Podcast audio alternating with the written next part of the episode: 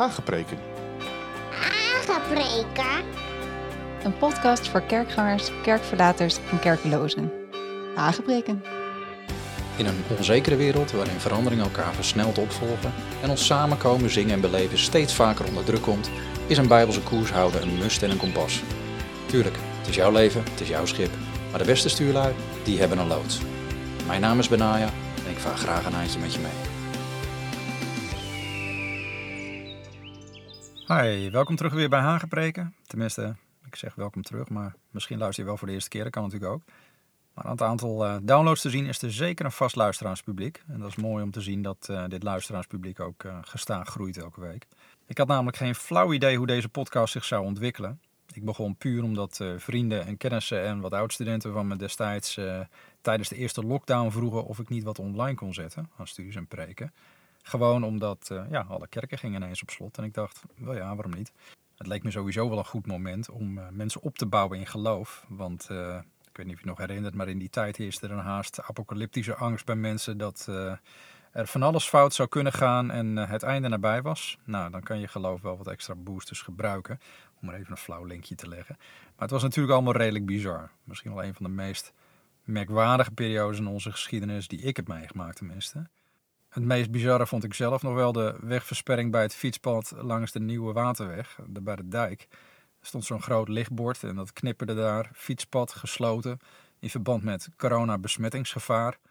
Nou, stond ik daar in de regen met mijn hond, mijn pet vasthoudend vanwege windkracht 7. En kijk je zo langs dat verlaten fietspad richting de Noordzee. En ik dacht, serieus? Eh, hoe dan? Maar goed, hoe je er ook over denkt. Het was ook een tijd waarin niet, of, of alleen fluisterend met mondkapje, mocht worden gezongen waarin samenkomsten uiteindelijk nagenoeg om zeep werden geholpen toen alle desinfectiemiddelen en mondkapjes niet meer als afdoende werden beschouwd. Het was ook in die periode dat we kerken en zagen proberen om online iedereen vast te houden. Middels Zoom en YouTube probeerde gemeenten alle schapen op de bank en de kerkgangers in quarantaine te blijven bereiken. Met wisselend succes bleek achteraf, want ook toen alle rook van de beperkingen optrok, zagen we dat er een uh, ja, toch wel een versnelde ontkerkelijking had plaatsgevonden. We stonden ineens op een dieptepunt dat uh, ja, volgens de prognose pas over een uh, tien jaar later zou moeten zijn bereikt. En dat is boeiend. En ik denk ook wel dat dit een flinke heads-up was voor christelijk Nederland. Dat, misschien, dat is misschien dan wel een pluspunt. Elk nadeel heeft zijn voordeel, zei iemand ooit. Um, de coronacrisis heeft natuurlijk genoeg huiswerk gegeven om na te denken wat het nu eigenlijk betekent om kerk te zijn. Maar ja, aan de andere kant herinner ik me ook nog wel dat uit mijn schooltijd, niet iedereen maakt natuurlijk zijn huiswerk. Dus ook toen had ik al klasgenootjes die helemaal geen les trokken uit de onvoldoende van hun laatste test.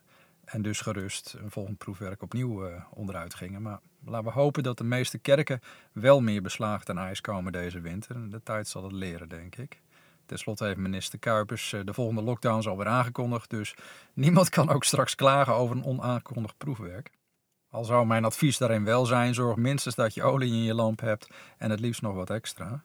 Zorg sowieso, als je aan de uitdelende kant van de geestelijke tafel staat, dat je je mensen een lamp meegeeft, überhaupt een lamp meegeeft. En uh, nou ja, voor het geval je toch als eerste aanhaakt, daar gaat dus deze podcast over. Gods licht laten werpen op ons leven. Gewoon wat extra input voor iedereen. Zoals al gezegd, een podcast voor kerkgangers, kerkverlaters en kerkenlozen. En ik hoop dat door het opbouwen van een, nou, toch een zeker arsenaal van woordverdiepende injecties, om het uh, woord nog maar eens te gebruiken, en we zitten momenteel op aflevering 45, dat je straks genoeg hebt om uit te putten of, terug te grijpen, zodat je de winter straks sterker doorkomt dan dat je erin ging, lockdown of geen lockdown. En dan maakt het voor mij daarbij helemaal niet uit bij welk filiaal je kerkt als luisteraar, of helemaal niet kerkt. Ik ben niet eenkennig wat kerkgang betreft. En ik, ik hou er altijd maar uh, de woorden van de Heer Jezus bij aan uit Johannes 10 waarin hij zegt, en dat is een bekende tekst voor, uh, voor velen van jullie waarschijnlijk, ik ben de goede herder en ik ken de mijne en word door de mijne gekend, zoals mijn vader mij kent en ik de vader ken, op die manier. En ik geef mijn leven voor de schapen. En dan zegt hij, ik heb nog andere schapen die niet van deze schaapskooi zijn. En ook die moet ik binnenbrengen en zij zullen mijn stem horen. En het zal worden één kudde en één herder. Ja, prachtig. Uh, hij weet wie van hem zijn. Uh, jij weet ook wie de goede herder is, zegt hij. En al zitten we misschien samen niet allemaal in dezelfde schaapskooi, we zijn één kudde en we hebben één herder. En soms denk ik dat het goed is om terug te gaan naar die eenvoud van denken in ons uh, ja, toch wel geopinieerde landje. En natuurlijk zijn er tal van schapen, dat snap ik. Je hebt niet alleen heide- en weideschapen. Uh, er zijn ook nog allerlei soorten daar binnenin te, te, vinden. Maar als het puntje bij paaltje komt, zijn het allemaal eenhoevige herkauwers die te boek staan als schaap voor de Heere God. En dat blijkt dan wel uit zo'n tekst. Nou weet ik wel, schaap is niet bepaald de meest flatteuze term die je kan verzinnen. Ik was ook liever bestempeld als leeuw of adelaar of, of, wat dan ook. Maar het is niet anders. Mooi kan ik het niet maken. We worden schapen genoemd door de Heer Jezus. Hij ziet ons allemaal als één kudde. En uh, daar voel ik me eigenlijk best goed bij. Want ik heb zelf de zegen gehad dat ik als kind mocht opgroeien in een behoorlijk pluriform geloofsklimaat. De meeste van mijn vriendjes moesten namelijk twee keer per zondag naar de kerk. Die waren hervormd of gereformeerd vanuit allerlei segmenten uh, daarbinnen. Hè, bonders, binnen het verband, buiten het verband, wat heb je allemaal. Dus ik zat op zondag vaak ook twee keer in de kerk. Voetballen mocht niet, dus dan ging de bal onder de heg. En wij gauw naar het kerkbalkon, drukte hij een, eh, een rol pepermunt tussen je wangen in. Um, en dan wie het langste, dat kon ze volhouden zonder kwijlen. dat deed je dan als kind. En tegelijkertijd was mijn beste vriendje en buurjongen was katholiek. En met hem ging ik ook wel eens naar de mis op vrijdag. En dan had ik ook nog vrienden in een evangeliegemeente, twee dorpen verderop. En ik ging naar een interkerkelijke tienergroep. En later naar een soort gelijke jeugdgroep. Nou, dat, dat, is, ja, dat is vrij divers. En ik heb die veelzijdigheid altijd gewaardeerd. En ook in mijn studententijd was het niet anders. En dan kwam ik bij de navigators en dan kwam iedereen ook uit verschillende kerken. En sommigen niet eens uit een kerk. En ik heb gemerkt dat als je zo opgroeit en je leert elkaar waarderen, dat je in eerste instantie elkaar waardeert gewoon als mens. Je wordt, je wordt vrienden van elkaar. Dat, dat je allemaal wat anders in je geloofsdoctrine zit, dat komt later. Want als je eerst vrienden wordt, dan zijn al die hokjes en hekjes, die zijn minder belangrijk in de omgang met elkaar. Misschien ben ik in die zin toch meer uh, een heideschaap dan een weideschaap. Ruimte zonder hekjes, dat waardeer ik. Maar goed, alle gekheid op een stokje. Ik denk uh, gewoon niet dat er later speciale gedeelten in het Koninkrijk van God zijn. Zo van een wijk in het hemels Jeruzalem voor de gereformeerden, en eentje voor de baptisten, en eentje voor de evangelische, enzovoort. Echt niet. De Bijbel vertelt ons dat de goede herder alleen maar terugkomt om de schapen van de bokken te scheiden. Matthäus 25, bekende tekst. Maar niet om de schapen onderling ook nog eens een keer te bedienen van een persoonlijke voorkeur. En natuurlijk is doctrine wel belangrijk, dat snap ik ook. En daar ben ik ook zeker van. Correcte exegese is denk ik zelfs cruciaal. Maar ten diepste moeten we nooit vergeten dat we maar één herder hebben. En één koning over alle. En dat is de Heer Jezus. En hij houdt één kudde aan. Wat belangrijker is, denk ik, is dat je het karakter van Christus herkent in iemand. Want dat is tenslotte ook het geheim van een goed getuigenis. Een getuigenis wat mensen hoop biedt. En daar hadden we het vorige keer over, vorige aflevering, hoop. Dat is een cruciaal onderdeel van Gods verborgen koninkrijk. En het geheim van zo'n getuigenis wordt zo mooi beschreven. En dat is een tekst die ik uh, voor vandaag heb uitgekozen. Colossens 1 vers 27. Het geheim dat eeuwen en geslachten lang verborgen is geweest, maar nu geopenbaard is aan zijn heiligen. Aan hen, die heiligen, heeft God willen bekendmaken wat de rijkdom is van de heerlijkheid van dit geheim onder de heidenen. Christus in u. En sommige vertalingen zeggen Christus onder u. De hoop op de heerlijkheid. Daarom ben ik feitelijk ook begonnen met deze podcast, om dat geheim te ontdekken met jou. Christus in jou, de hoop op de heerlijkheid. En wat bedoelen we daarmee? Nou, allereerst noemt de Bijbel het een lang bewaard geheim, hè, door alle eh, eeuwen en geslachten lang verborgen geweest. En normaal gesproken moet je daar moeite voor doen om een geheim te ontdekken. Zeker als het zo goed en zo lang bewaard is. Dat ligt niet in de schappen te koop voor iedereen. En het is ook niet voor iedereen. Er zijn altijd mensen die iets meer willen dan het snelle verhaal. Die willen doorvragen, die willen doorforsen. Dat was bij de Heer Jezus al zo. Er was een hele grote mensenmassa die luisterde naar zijn verhalen. Maar het waren alleen de discipelen die dichterbij kropen en doorvroegen op die verhalen. Doorvroegen op de gelijkenissen. Wat betekent dat nou eigenlijk?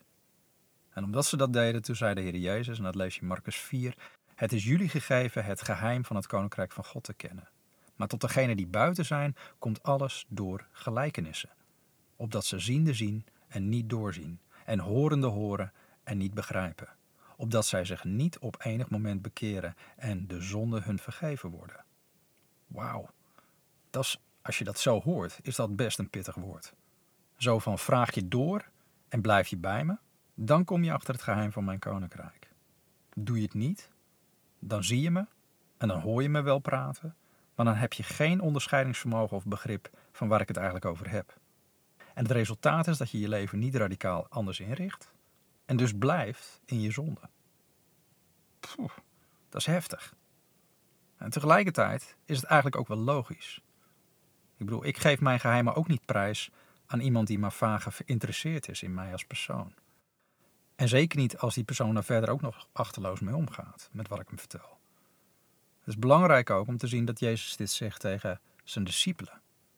Tegen mensen die heel bewust besluiten om hun oude leven achter te laten en hem te volgen. En hem te blijven volgen voor de rest van hun leven. Dit zijn mensen die willen worden als hij. Precies zo. Die willen begrijpen hoe hij denkt, hoe hij spreekt, hoe hij handelt, hoe hij wandelt. En op daar grip op te krijgen, ja, dan heb je meer nodig als één of twee verhaaltjes. Dan wil je weten, hoe zit dit precies? Nou, dat is best wel een dingetje in deze tijd, denk ik.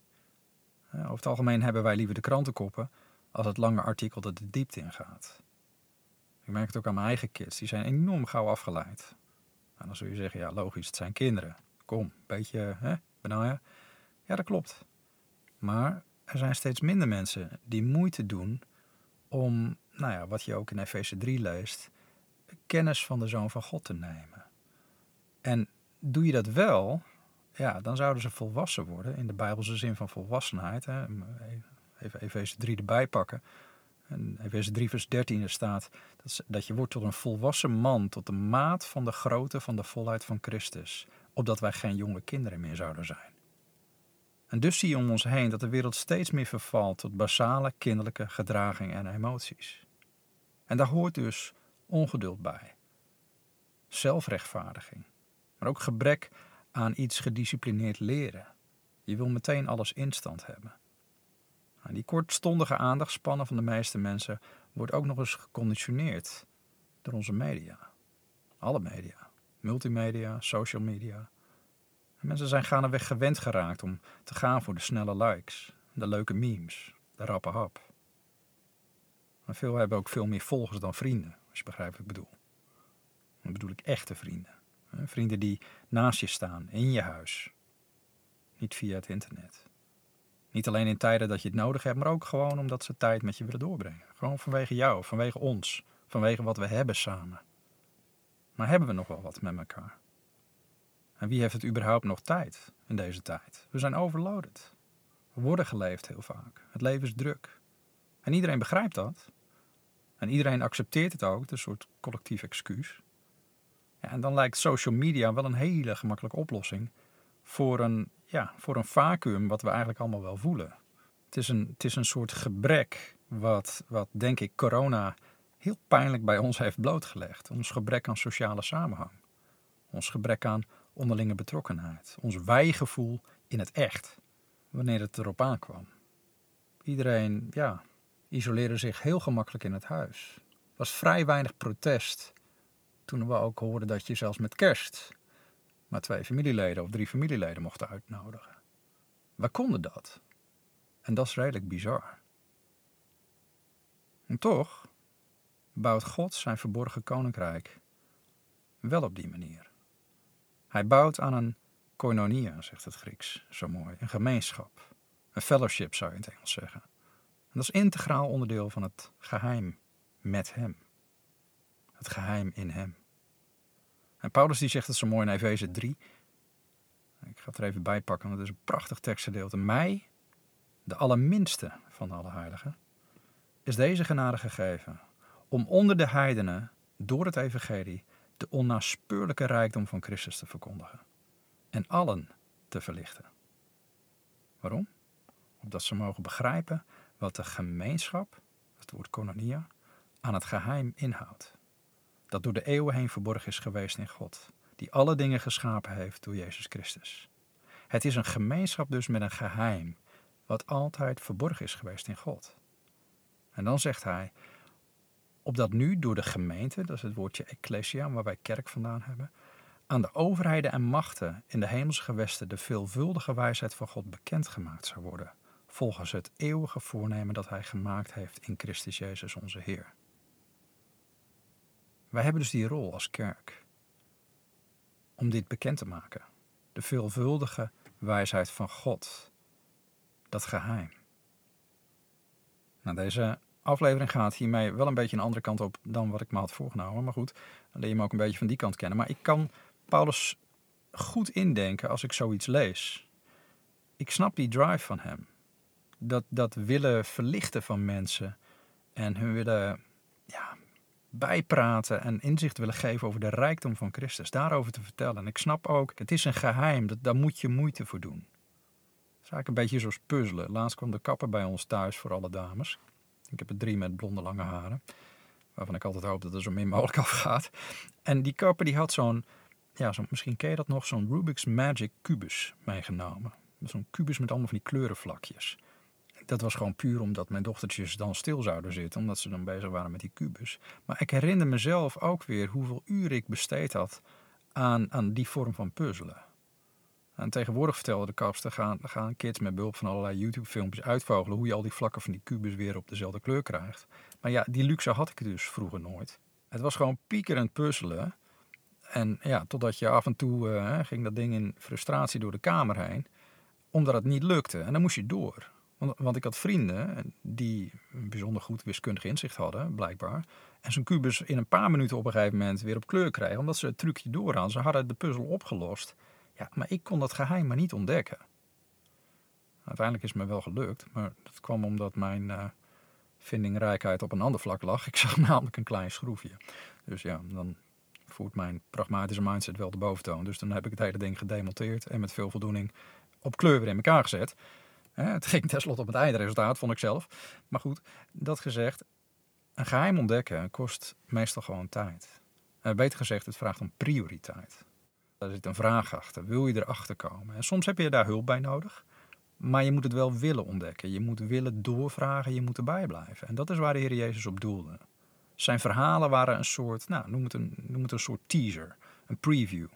Het was een voorproefje om te kijken, wil je het hele verhaal erachter ontdekken? En dat geldt ook voor deze podcast. Heel veel mensen die uh, vertelden mij dat je podcasters aangepreken, ja, dat is te veel een niche, een te selectief publiek. Uh, wie wil dit nu? Ja, ik wist op basis van 25 jaar preekervaring dat er altijd wel schapen zijn die nog wel wat extra groen gras of heidestruikjes kunnen gebruiken. Schapen die niet per se een PowerPoint-presentatie of, of kekke introductiefilmpjes nodig hebben om erbij te blijven. Maar zo ben ik zelf namelijk ook. En mijn honger om Gods woord te begrijpen en te ontdekken, hoe ik het kan toepassen en hoe bepaalde principes daarin werken, dat kost me soms gewoon nachtrust. Dat is een, dat is een soort honger naar inzicht die verder gaat dan de schreeuw van mijn lichaam om slaap. Dat is ook wel eens een valkuil, want slapen moet natuurlijk ook. Maar dat, dat, ja, op een gegeven moment, die honger is leidend. Nou, hetzelfde geldt ook voor hoe ik in een kerk zit. Ik bedoel, ik, ik hou van liederen, ik hou van aanbidding. Heb zelf ook jarenlang muziek gespeeld. Ik geloof in het geven van jezelf aan God en in het beleiden van wie hij is in, op muziek. En beleiden wat hij heeft gedaan door liederen heen. Zeker. Maar ik merk ook dat er ook wel een beetje een trend gaande is in christelijk Nederland, of misschien wel wereldwijd, waarin je wat je ervaart van God op dat moment nog meer de boventoon voert dan het daadwerkelijk bezingen van zijn grootheid en het aanbidden zelf. Ik heb vaak liever nog één of twee liederen die ik kan zingen waardoor God als het ware kippenvel krijgt, als ik het zo oneerbiedig mag zeggen. Een beetje op een manier zoals een papa ook ontroerd wordt door een, uh, nou ja, welgemeend gezongen gekrakeel van de kroost op je verjaardag bij je bed.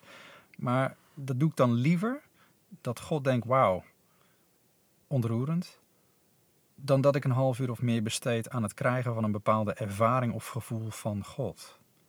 Die tijd breng ik liever door met het luisteren naar zijn woord, want dat voedt mij. Dat sterkt mij voor de rest van de week. Ik geloof ten diepste dat aanbidding is voor God, want het raakt zijn hart. Maar zijn woord is voor mij, want dat raakt mijn hart. En het verandert mijn hart. Het zorgt er namelijk voor dat Christus karakter kan worden gezien en vorm krijgt in mij, in ons allemaal. Dat, dat is de manier hoe je grip gaat krijgen op het geheim van het verborgen koninkrijk waarin we opgroeien allemaal. Nou goed, de tijd tikt door. Ik ga nog één keer terug naar de tekst die ik als startpunt had voor deze aflevering. Colossense 1 vers 27 of 26 begint dat. Het geheim dat eeuwen en geslachten lang verborgen is geweest, maar nu geopenbaard is aan zijn heiligen.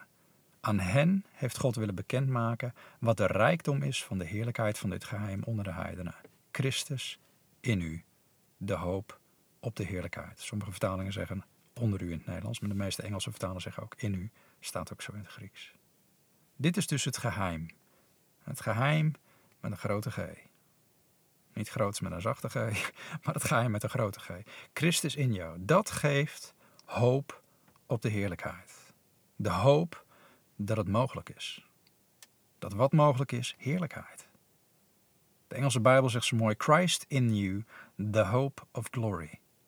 Ik noemde het al eens eerder. We houden onszelf voor de gek als we zeggen dat we een goed mens zijn. Niemand is goed dan God alleen, zegt de Heer Jezus. Alle hebben gezondigd en missen de heerlijkheid of de glorie van God. Op het moment dat de mens zijn eigen plan trok en zelf voor rechten wilde spelen, zelf wou bepalen wat goed of slecht was, vielen we als een baksteen. En wat je om je heen ziet in de wereld is het resultaat, verre van glorieus. Maar als jij je hart en je leven overgeeft aan de Heer Jezus Christus, dan zegt het dat Hij in jou komt wonen. En dat geeft de burger van Gods koninkrijk moed. Dat zorgt ervoor dat de hoop opnieuw kan ontstaan dat het wel mogelijk is om recht te staan voor de troon van God zonder vlek of rimpel. Efeze 5 zo mooi.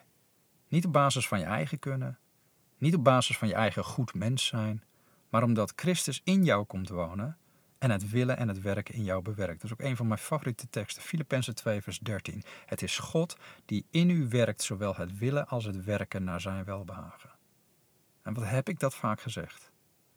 Elke keer weer, als ik tegen mezelf aanliep vanwege mijn eigen koppigheid, vanwege mijn eigen gebrek aan doorzettingsvermogen of soms zelfs het volharden in zondige patronen tegen beter weten in. Ik weet wel dat jullie allemaal die luisteren natuurlijk niet daarmee te maken hebben. Maar bij mij geldt nog steeds, tijdens de verbouwing gaat de verkoop gewoon door. Eh, je bent imperfect. Sommige dingen die moet je blijven afleggen totdat het echt afgelegd is. Als levend offer. Maar dan bad ik elke keer weer, op basis van die tekst uit Filippenzen. Heer, soms wil ik het niet eens. Maar wil het dan maar door mij heen. Bewerk uw wil dan maar in mij zoals u het wil naar uw welbehagen, zoals het u behaagt en wat u goed vindt. Want het zit niet in mezelf om het te willen. Ja, met die mindset, met die hartsgesteldheid, gaandeweg, soms met gletsjersnelheid, merkte ik dan een verandering. Soms ging het wel snel, maar soms duurde het ook gewoon jaren. Maar het gebeurde wel dat mijn wil omboog en veranderde. En dat dit in mijn handel en wandel uitwerkte. Dat de geest van God streed samen met mij totdat structurele verandering plaatsvond. En dat is het geheim, Christus in jou. Die zorgt ervoor dat er hoop ontstaat. Hoop dat de glorie van God toch weer vorm krijgt in ons. Naar het originele beeld zoals hij het bedoeld heeft. Want alleen op die manier kom je als mens volledig tot je recht. Als Christus in volle glorie in jou zichtbaar wordt. Alleen dan is de schepper ook weer herkenbaar in jou als zijn beelddrager. Zonder dat je dit vertroebelt naar anderen toe. Want dat is natuurlijk ook de grootste klacht van niet-christenen. Zelfs een, een oud collega van mij is toebeten over een achterbakse houding van de afdelingsmanager. Hij is toch christen, net als jij. Auw, heel pijnlijk moment. Hij was inderdaad christen. of is inderdaad christen. Keith Green zei het niet voor niets. Hè? If it wasn't for Christians, there would be more Christians. Als het niet zoveel christenen waren, zouden er nog meer christenen zijn geweest. Maar God heeft het altijd anders bedoeld. Dit was het plan vanaf het begin, zoals we lezen in het eerste boek van de Bijbel. Hè? Laat ons mensen maken naar ons beeld, naar onze gelijkenis, opdat zij heerschappij hebben. Alleen als mensen door ons heen zicht krijgen op hoe de schepper is, als we naar het voorbeeld van Christus heersen, dan is de schepping veilig. En floreert alles waar wij over zijn gesteld en waar wij beheer over krijgen van God. En dat is dus de reden ook dat de schepping ernaar verlangt. Hè, met, uh, vorige keer gelezen, met rijkhalsend verlangen. Totdat de zonen van God in volle glorie openbaar worden. En tot die tijd zucht en steunt de schepping en in baresnood. Hè, Romeinen 8 lazen we dat vorige keer. Maar wordt het geheim hoe we daar kunnen komen eindelijk openbaar, dat Christus in u, ja, dan is het terecht hoop op de heerlijkheid. En die hoop, is nodig om vertrouwen te krijgen. Nou, als je God al hebt leren kennen en als je hem volgt, dan is die hoop ook het anker voor je ziel. Het houdt je emoties en gedachten stabiel in tijden van storm. Storm in je leven door externe omstandigheden, Of misschien storm met je levenswandel, waarin je tegen je eigen onvermogen botst om de wil van God te doen, om te zijn wie God vraagt je te zijn. Maar die hoop, door Christus in je, dat is een anker dat reikt tot ver achter het voorhangsel, tot in het binnenste heiligdom. Dat is Hebreeën 6. Je weet dan, dit kan ik niet zelf. Maar onze hoge priester, die pleit voor ons. En die zorgt dat ik straks veilig de hemelse haven bereik. En dat ik daar kan staan zonder vlek of rimpel voor de Vader. Hij is degene die het willen en het werken in mij bewerkt. Hij is de hoop op de herstelde glorie, zoals die was van voor de zondeval. De glorie die we hadden omdat we de glorie van God weerspiegelden als zijn beelddragers. Nou, mocht je Heer Jezus niet kennen, dan is die hoop ook voor jou. De hoop dat het mogelijk is om een goed mens te zijn. Beter gezegd, om weer een goed mens te kunnen worden. Maar niet uit eigen wilskracht of kunnen, want je hebt hulp nodig. En dat is misschien wel de, de bottleneck. Hè? Uh, christenen zijn niet goede mensen. Christenen zijn eigenlijk hele foute mensen die weten dat ze nooit goed genoeg zullen zijn. Juist mensen zonder een hoog uh, yes we can gehalte. Er is geen ratelband, tjaka, pep talk of iets dergelijks. Het zijn mensen die het zelfs hebben opgegeven om een goed mens te proberen te zijn. Eigenlijk is het gewoon een stelletje zwakkelingen. Hè, die weten en die toegeven dat ze ook zwak zijn. Maar die juist daardoor het moeilijkste deden wat je kan doen als mens. Je leven en je wil opgeven en de totale regie overgeven aan de Heer Jezus. Die zegt dat hij er juist dan iets mee kan doen en ook niet eerder. En totdat je dit erkent en de tijd neemt en prioriteit geeft aan dat ontdekkingsproces van hoe hij ook het geheim kan worden in jou, ja, dan zal je blijven aanlopen tegen je eigen onvermogen om te veranderen. Maar ik hoop en ik bid dat bij jou ergens het verlangen is ontstaan om ook deel te worden van dat verborgen koninkrijk. Zodat op het moment dat hij weer in levende lijven verschijnt, misschien nog maar enkele jaren vanaf nu, dat hij ook jou herkent als een van hem. En dat jij hem herkent als al hetgeen waar je op hoopte. Nou, tot die tijd moedig ik je aan. Ga een stapje verder. Vraag door. Ontdek dat geheim. Blijf luisteren. Op basis van wat je hoort, blijf koers houden. De volgende keer navigeren we weer een stukje verder. Heb je vragen, aanvullingen of opmerkingen? Surf even naar saintkenaan.com. Dat schrijf je saintk9.com. Daar vind je een contactformulier en krijg je me te pakken. Ik word van dank aan alle sponsors van deze podcast. Dank je wel. Jullie maken het mogelijk dat ik dit kan blijven doen. Wil je ook sponsoren? Surf even naar saintkenaan.com. Kan via Ideal of PayPal. Wordt erg gewaardeerd. Dankjewel.